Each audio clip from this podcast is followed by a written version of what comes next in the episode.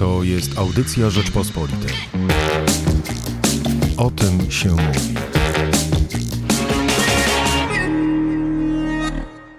A ze mną dzisiaj jest Jan Maciejewski. Dzień dobry. Dzień dobry. E, publicysta magazynu Plus Minus, filozof, były redaktor naczelny magazynu Presję. Spróbujemy sobie dzisiaj podsumować mijający rok, rok 2020, w którym nie dość, że działy się rzeczy bardzo ważne, to jeszcze mam wrażenie, że działo ich się bardzo wiele. Zawsze ma się chyba takie e, wrażenie w momencie, kiedy, kiedy jest poczucie jakiegoś przełomu, jakiejś poważnej zmiany. Nie będziemy rozmawiać o sprawach gospodarczych, które oczywiście są szalenie istotne dla każdego z nas. Nie będziemy rozmawiać o kwestiach stricte politycznych, y, bo też przyznajmy szczerze, na razie tutaj jakichś poważnych y, zmian nie widać, tylko widać jakiś potencjał zmiany. Porozmawiamy, mówiąc górnolotnie, o idei, o myśli, o, o takim ludzkim życiu, ale w odniesieniu, w odniesieniu do sfery e, intelektualnej. Zacznijmy może od tego, że w ogóle pojawienie się koronawirusa, wybuch światowej pandemii, dotarcie tego wirusa do Europy nas chyba niesamowicie zaskoczyło. Zaskoczyło te rozwinięte e, społeczeństwa, społeczeństwa, jak często je nazywamy, dobrobytu. Co tak e, myślisz najbardziej nas e, zaskoczyło w tym uderzeniu pandemii? Pamiętam, jak na wczesną wiosnę, to był jakoś drugi czy trzeci tydzień tego, tego pierwszego lockdownu, plus minus miał okładkę z hasłem, a jednak jesteśmy śmiertelni. To chyba bardzo dobrze podsumowywało w ogóle klimat, jaki, jaki wtedy zapanował e, w Europie, na, na, na całym świecie, ale w zachodniej Europie przede wszystkim i w ogóle w świecie zachodu. Natomiast ciekawe jest to, co mówisz, że to nas wszystkich zaskoczyło, bo z drugiej strony bardzo często, jak się E, jak się czyta podsumowania tego 2020 roku, to bardzo często tam się pojawia taki wątek, że wszystkie zmiany, które nastąpiły, one nastąpi, nastąpiły w wyniku, w wyniku pandemii i lockdownu, one nastąpiłyby tak czy inaczej, tylko po prostu teraz sytuacja przyspieszyła. Prawda? Jakby pandemia była tym czarnym łabędziem, który, który przypłynął, e, wszystkich zszokował, ale on tylko jakby popchnął, popchnął wydarzenia, e, popchnął nurt historii, otworzył kilka śluz, które jakby przyspieszyły E, przyspieszyły bieg, e, bieg wypadków. I nie wiem, czy się ze mną zgodzisz, ale ja bym zaryzykował taką tezę. Ona już się chyba gdzieś pojawiała w debacie publicznej, że tak naprawdę w tym roku zaczął się XXI wiek, prawda? Tak jak XIX wiek zaczął się, zaczął się w 1789, XX zaczął się w 1914, tak XXI wiek zaczął się w roku 2020, bo to ch chyba takie postawienie sprawy dobrze otwiera, otwiera nam właściwy, właściwy tok myślenia, prawda? To znaczy, jakby z jednej strony pewne, pewne zjawiska, pewne tendencje nabrzmiały do tego, żeby, E, żeby wybuchnąć i żeby stworzyć jakąś nową jakość. I my z tą nową jakością rzeczywiście, jakością w zaznaczeniu opisowym, broń Boże, nie, nie mamy do czynienia e, od tego roku, e, ale z drugiej strony my nie wiemy, jak ten XXI wiek dalej będzie wyglądał, prawda? Tak jak w 1914 roku mogliśmy tylko przypuszczać, jak się dalej XX, XX wiek potoczy. Ale tak samo jak często pojawia się sformułowanie, że pandemia tylko przyspieszyła pewne e, procesy, e, tak samo od razu dodawane jest drugie zdanie, że sama pandemia oczywiście żadnych nowych idei, żadnych zmian nie proponuje, tylko te zmiany już e, musiały gdzieś być w zalążku. Tymczasem Pewnie się ze mną nie zgodzisz w całości, ale ja mam takie wrażenie, że, że ten zalążek, jeżeli jest, to jest minimalny. Nie widać, moim zdaniem, jakichś poważnych, nowych idei, które miałyby zastąpić ten e, stary świat. Często staramy się ich dopatrywać tak usilnie, gdzieś widzieć, e, dawać jakieś e, nowe prognozy, że coś teraz będzie zmienione, ale mam wrażenie, że, że w tym momencie nie ma takich silnych idei, które mogłyby zastąpić, nie wiem, kapitalistyczną wizję świata, liberalną demokrację, a nawet nie, nie ma idei, które mogłyby e, zastąpić ten populistyczny, prawicowy e, zwrot w demokracjach Zachodu.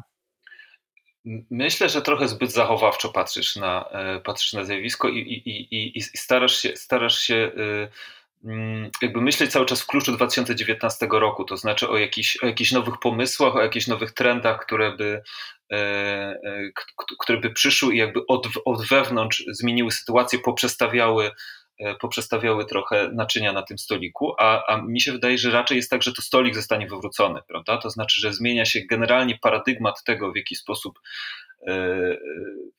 w jaki sposób świat jest poukładany, niż, niż pojawiają się jakieś nowe pomysły. To znaczy, mówmy już, mówmy już konkretnie, bo, bo, bo trochę, trochę jakby odlatujemy chyba w pojęcia, w pojęcia zbyt ogólne, ale pewne, pewne rzeczy zmieniają się bezpowrotnie. Jest taka dość głupiutka książka, ale, ale jednak parę rzeczy tam się ciekawych pojawia. Sławoja o, o, o pandemii. Był taki wysyp książek postpandemicznych y, y, latem. Y, że COVID panika, pandemia trzęsie światem, to była jakaś, jakaś y, gra słów. I tam się pojawia taka teza, którą Żyszkowi można było wygłosić, wolno mu było wygłosić, bo on ją wygłosił aprobatywnie, y, jeżeli ktoś by ją y, wyrzucił, wyrzucił siebie tonie krytycznym, to zostałby uznany za szura.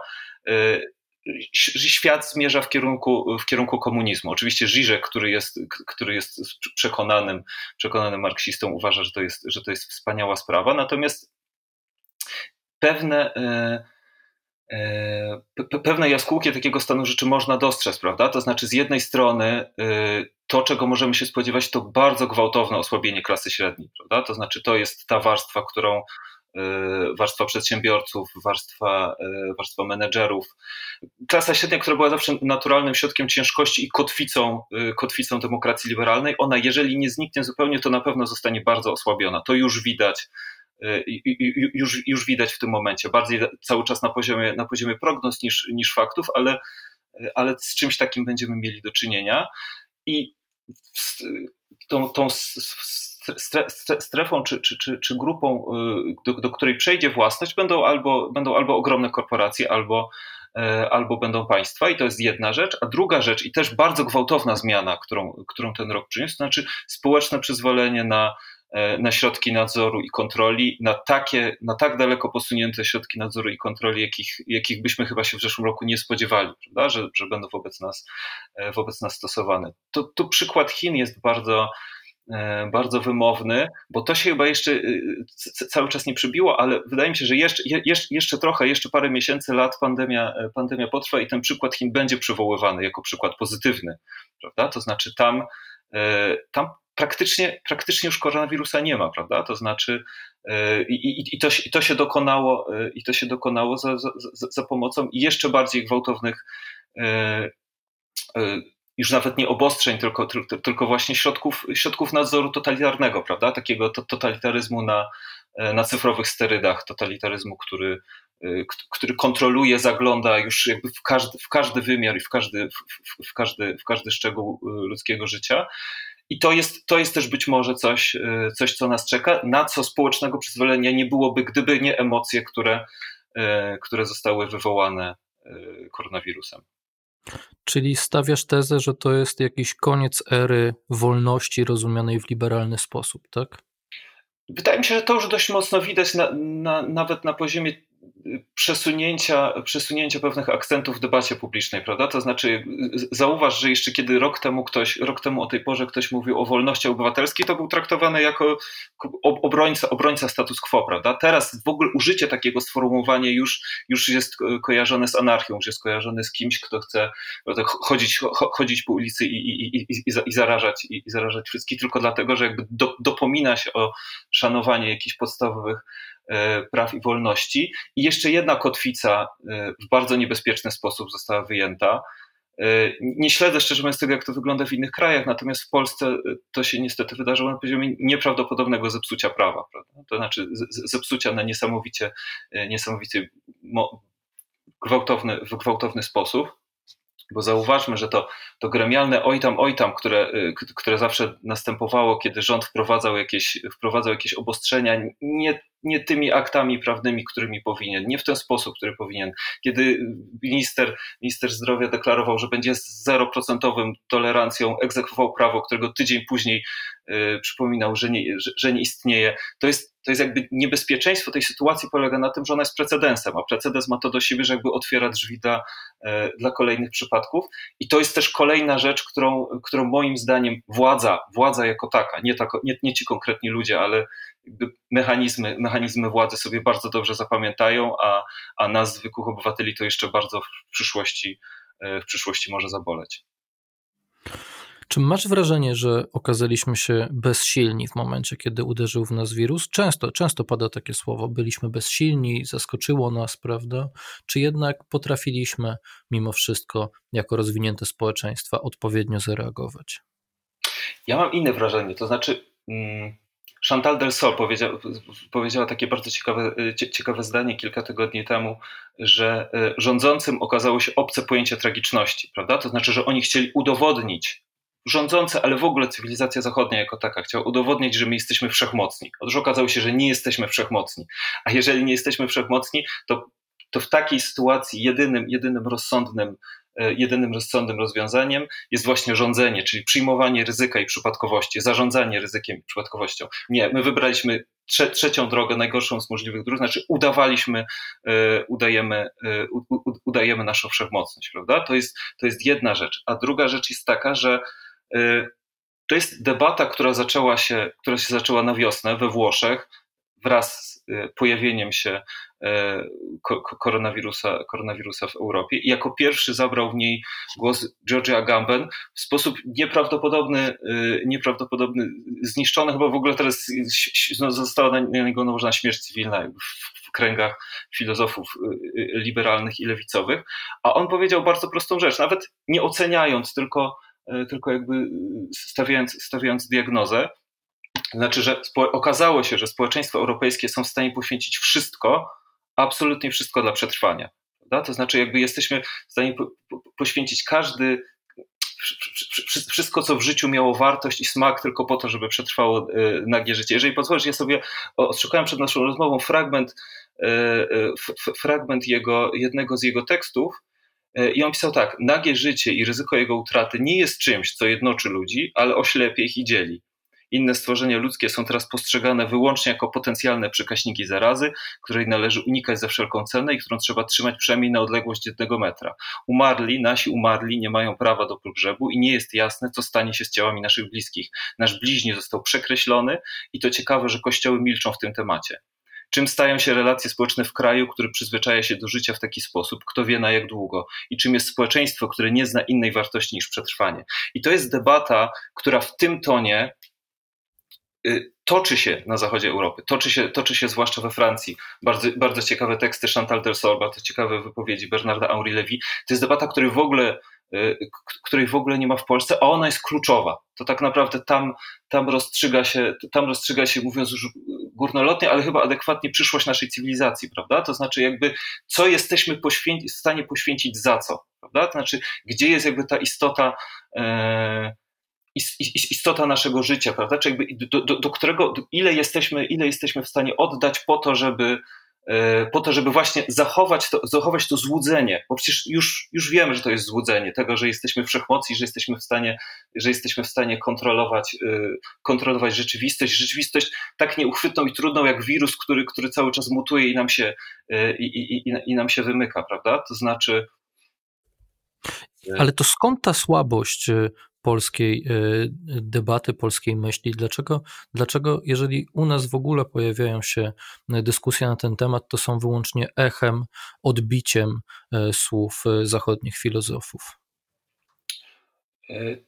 To można by, sam, sam, często sobie to, sam często sobie to pytanie zadaję, ale kolejna rzecz, kolejna rzecz, która bardzo mocno zmieniła się przez ten rok, Kolejne wielkie, wielkie topnięcie i wielki upadek to jest w ogóle kondycja e, polskiej debaty publicznej i polskich mediów, prawda? To jest, to jest coś, co się zmieniło w sposób nieprawdopodobny, a może tak naprawdę uruchomiły się, czy tylko jakby ujawniło, ujawniło się coś, co przedtem, e, co przedtem było ukryte. To znaczy, bardzo jasne stało się, że e, być może, mam nadzieję, że nikogo teraz nie obraża, ale ba bardzo duża część polskich dziennikarzy i publicystów nie pisze dla tych, którzy ich czytają, tylko pisze dla tych, o których oni piszą, prawda? Bardzo często dziennikarze polityczni piszą dla polityków, to politycy, o których oni piszą, są, są adresatami, adresatami tekstów, co, co, coś, co bardzo często widzimy, w Polsce. Dziennikarze naukowi piszą dla tych, którzy są w stanie zapewnić im e, interesujące, interesujące wyjazdy i, i, i ciekawe E, i ciekawe stypendia, prawda? Dziennikarze sportowi piszą dla sportowców i dla, i, i dla, firm, i dla firm bookmacherskich. I to jest też upadek, który nastąpił na wielu poziomach, również na poziomie na przykład trzeciego sektora. jakieś takie, jakiegoś takiego obszaru życia publicznego, które udowodniło w tym roku swoje, to, że jest absolutnie niepotrzebne, to, że jest czymś absolutnie zbędnym i jakby gdzie nie, nie było żadnej linii, w której trzeci sektor pośredniczyłby między, między tym, co publiczne, a między tym, co prywatne. Czy spotkałeś się z jakąkolwiek inicjatywą, w której nie wiem, jak, jakakolwiek organizacja trzeciego sektoru przedstawiałaby postulaty, nie wiem, y, lekarzy regionalnych POZ-ów, branż, które, które de facto już teraz wiemy, że zostały uśmiercone. Nic takiego nie miało miejsca, nic takiego się nie wydarzyło. Oni też okazało się, że żyją w swojej bańce y, i, y, i tak naprawdę, i tak naprawdę są niepotrzebni. Być może przetrwają, bardzo prawdopodobne, że przetrwają, ale od 2021 roku już trudno będzie w ogóle ten obszar y, życia publicznego y, traktować poważnie, tak jak, tak jak wiele innych. I to jest kryzys, który na pewno do, dotyka w ogóle naszą cywilizację, ale jednak różne kraje w różnym stopniu, prawda? No tak, ale może to jest, wiesz, szukając rozwiązań, czy, czy, czy dla, y, odpowiedzi na to pytanie, dlaczego w Polsce ta debata, y, szczególnie ta wyższa, o, debata ideowa, y, tak upadła, może to właśnie jest taka specyfika bardzo ostrego sporu politycznego, który mamy w Polsce, który y, nie tylko zawłaszczył y, wszelkie pola debaty, także ideowej, ale on po prostu y, jest na tyle ważny, dla obu stron. I na tyle istotne rzeczy działy się w ostatnim czasie. Wybory e, prezydenckie, e, kryzys koalicji rządzącej, że trudno nam było patrzeć na e, wszystko, co się dzieje dookoła w oderwaniu od polityki, szczególnie myślicielom, którzy no, już po prostu zostali przez tę politykę, mam wrażenie, wchłonięci bardzo prawdopodobne, że na, na, na, na pewno masz sporo racji, na pewno w tym, co mówisz, jest, jest sporo prawdy. Natomiast jest też tak, że powinna być grupa ludzi i ona jest kolejną kotwicą, której, która okazało się, że y, nie istnieje, kotwicą nie wiem, demokracji czy, czy, każdego, czy każdego zdrowego ustroju, która jest niezależna od tego sporu, prawda? Która jest jakby, której dyskusje, której myślenie, której, której podziały E, podziały w głowie, kategorie nie zależą, nie zależą od tych kategorii politycznych, którzy jakby są sługami społeczeństwa jako takiego, państwa jako takiego, a nie, e, a, a nie określonych sił interesów, bo to, bo to są nie tylko partie, prawda? To są, to są również grupy wpływu, to są również e, siły interesu i ta grupa okazała się bardzo wątła, a nie a może jest też tak, że ona nie ma swoich nie ma swoich platform, na których może, mogłaby się wypowiedzieć, prawda? Na których mo, mogliby ze sobą, mogliby ze sobą porozmawiać, bo też w ogóle jakby sama możliwość rozmowy i spotkania została, została bardzo mocno ograniczona z powodów też bardzo często jakby yy, sanitarnych, prawda? Jakby nie, nie, nie, nie mogliśmy się spotykać, zostaliśmy pozamykani w domach, ale to był kolejny mechanizm, kolejny yy, kolejny proces, który bardzo mocno przyspieszył, prawda? To znaczy, jak się komunikujemy ze światem, kiedy jesteśmy zamknięci w domach? Oczywiście przez internet, a w internecie a, a, w internecie nasza wizja świata jest kształtowana przez algorytmy, jest kształtowana przez bańki, w jakich istniejemy, prawda? Te bańki, które bardzo, bardzo uważnie czuwają nad tym, żebyśmy, broń Boże, nie zetknęli się z jakimiś treściami, które mogą nam się nie spodobać, z którymi możemy się nie zgodzić, które mogą nas wyprowadzić z równowagi, a jeżeli już mają nas wyprowadzić z równowagi, to w jednym określonym y, kierunku, prawda? To znaczy, to, to jest jakby, nas, nastąpiło jeszcze, jeszcze większa atomizacja i jeszcze większe rozproszenie i jeszcze mniejsza możliwość spotkania, spotkania się i rozmowy, bo to trzeba, wszyscy mamy takie poczucie, prawda, że jakby spotykanie się, spotykanie się na Skype'ie czy, czy, czy, czy, czy rozmawianie za pośrednictwem, za pośrednictwem nowych technologii no jest, jest erzacem, jest absolutnym erzacem i będziemy, będziemy się o tym przekonywać tylko, e, tylko im dłużej, im dłużej ta sytuacja będzie trwała, bo to jest tak naprawdę e, kluczowe, kluczowe pytanie, o którym też chyba nie możemy nie porozmawiać. Znaczy jakby dokąd to będzie trwało, prawda? Jakby, jaki, jaki tutaj jest w ogóle horyzont czasowy? No właśnie, no bo skoro mówiliśmy o bezsilności, o słabości, o e, kryzysie mm, y, naszych społeczeństw, no to porozmawiajmy też chwilę o sile, bo może rzeczywiście to, że byliśmy w stanie tak szybko przygotować szczepionkę i to szczepionkę zupełnie nowej generacji, skonstruowaną zupełnie inaczej niż wcześniej robiono szczepionki, e, byliśmy w stanie stworzyć łańcuchy dystrybucji, e, te łańcuchy mrożenia, czy chłodnicze, jak to niektórzy nazywają, i byliśmy w stanie jeszcze w 2020 roku, w co praktycznie nikt nie wierzył. W marcu, w kwietniu czy w maju wszyscy mówili, no to jest niemożliwe, żebyśmy w tym roku jeszcze mieli szczepionkę. Może ta szczepionka pokazuje też naszą siłę, może wcale nie okazaliśmy się tak bezsilni jako zachodnia cywilizacja, jako cywilizacja myśli, cywilizacja technologiczna, pokazaliśmy e, i to nawet w skali cywilizacyjnej, w skali naszego istnienia, pewną wybitną moc. Jest to jednak jakieś osiągnięcie, z którego chyba powinniśmy być dumni. Znaczy, z tym, jak, jak, czy to jest y, rzeczywiście tak wielkie osiągnięcie i jaka jest jego moc, to chyba jednak warto było poczekać, prawda? To znaczy, to jest y, kolejna rzecz. Ja od razu mówię, jestem absolutnym y, agnostykiem, jeżeli, jeżeli, jeżeli chodzi o szczepionki. W ogóle nie zamierzam brać udziału w tej dyskusji, która jest kolejną dyskusją postawioną na głowie, prawda? To znaczy, ale i pojawia się w niej znowu bardzo wiele, bardzo wiele takich elementów, które są nieuczciwe, które jakby są. Każdy, każdy kto stawia pytania, zostaje zakwalifikowany do, do, do grupy jakichś, nie wiem, morderców, szurów i tak dalej. A to jakby bardzo, bardzo, bardzo jest y, ciekawa teraz dyskusja w Polsce o tym, jak przekonać Polaków do tego, żeby, żeby poszli i się zaszczepili. No jakby jest jeden racjonalny sposób. Żadne, żadne tej kampanie celebrytów, ani medialne szopki w stylu y, pierwszy zaszczepiony w Polsce, czy, czy można powtórzyć szczepienie, prawda? Tak, tak żebyśmy to mieli, mieli na zdjęciach.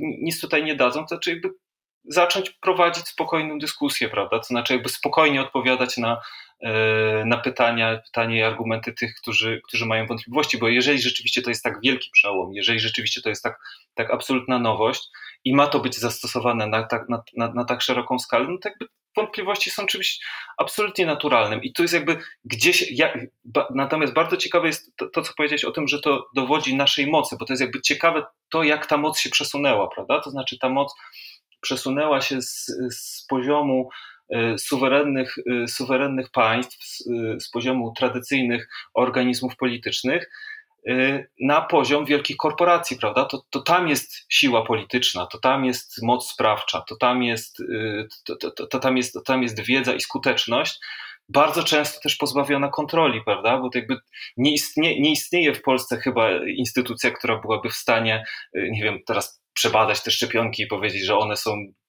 wiem, z, tego powodu mogą być niebezpieczne, a z, a, z tego, a z tego powodu mogą być z kolei skuteczne. Nie ma czegoś takiego, prawda? Nawet zdaje się, Unia Europejska chyba nie, nie, nie, nie, ma, nie, nie, nie, ma takiej agendy i nie, nie ma takiej sprawczości. Więc to jest jakby kolejny, kolejny element zmiany, która była już wcześniej, prawda? Bo to jakby dużo wcześniej. Yy, ta, ta, ta moc i sprawczość przeszła z poziomu y, or, or, organizmów czy organizacji tradycyjnych na, na rzecz y, sektora, sektora, sektora prywatnego i wielkich korporacji, ale teraz przekonaliśmy się o tym bardzo namacalnie, prawda? Tak, tak, tak namacalnie, jak to, jest, jak to jest tylko możliwe. Myślisz, że tak próbując już podsumowywać, pozostaniemy w najbliższym czasie w takim zawieszeniu, w takich poczuciu przełomu, ale bez e, widocznego drugiego brzegu? Absolutnie, to znaczy y, ja bardzo nie, bardzo nie lubię sformułowania wojna z pandemią, bo, to, bo ono jest bardzo, nie, y, ono jest bardzo nie, nie, nie, nieścisłe i zamazuje obraz rzeczy. To znaczy to nie jest wojna, to jest rewolucja, prawda? Bo jakby rewolucje wybuchają, żeby walczyć z jakimś faktem, nie z konkretnym wrogiem. Tutaj nie ma z kim podpisać pokoju ani rozejmu, prawda? Rewolucje wybuchają, żeby walczyć z feudalizmem albo z własnością prywatną, albo, y, a, a, a, albo tak jak w przypadku wojny, wojny z wirusem, z jakimś faktem, z jakimś faktem biologicznym. I one się z natury rzeczy nie mogą skończyć, prawda? To znaczy, jakby to, to, to chyba już wiem, że ten wirus po prostu nie zniknie, prawda? Więc jakby rewolucje nie kończą. Nie, nie było nigdy w historii świata rewolucji, która powiedziała, osiągnęliśmy, e, osiągnęliśmy nasz cel, możemy się rozejść, prawda? Rewolucje, rewolucje kończy zawsze ktoś w rodzaju Napoleona, prawda? Rewolucje zawsze kończą się 18 Brumera, czyli kończą się w momencie zamachu stanu kogoś, kto utrzymuje, y, kto utrzymuje status quo, ale nie to status quo sprzed wybuchu rewolucji, tylko jakby zachowuje wszystkie zmiany, które, które zaszły w naszym świecie, zaszły, y, za, zaszły w otaczającym y, nas porządku, a jednocześnie jakby układa je, układa, układa te klocki na nowo, układa z, nich, układa z nich jakąś nową budowlę, więc na pewno nie wrócimy do świata taki, taki jakiego znaliśmy go jeszcze, jeszcze w zeszłym roku. Na pewno to jest wiele, wiele tych zmian jest absolutnie nieodwracalnych. Natomiast kiedy to się skończy, to chyba tak naprawdę, chyba tak naprawdę nikt nie wie, prawda? Może... Nikt nie wie. Ale będziemy o tym jeszcze rozmawiać nie raz. Moim gościem był Jan Maciejewski, publicysta plusa minusa, filozof. Dziękuję. Dzięki serdeczne. A ja nazywam się Michał Płociński. Do kolejnego podcastu z cyklu O tym się mówi. Zapraszam już w następny czwartek. Premiera zawsze o 12. Dziękuję. Słuchaj więcej na stronie podcasty.rp.pl. Szukaj Rzeczpospolita Audycje w serwisach streamingowych.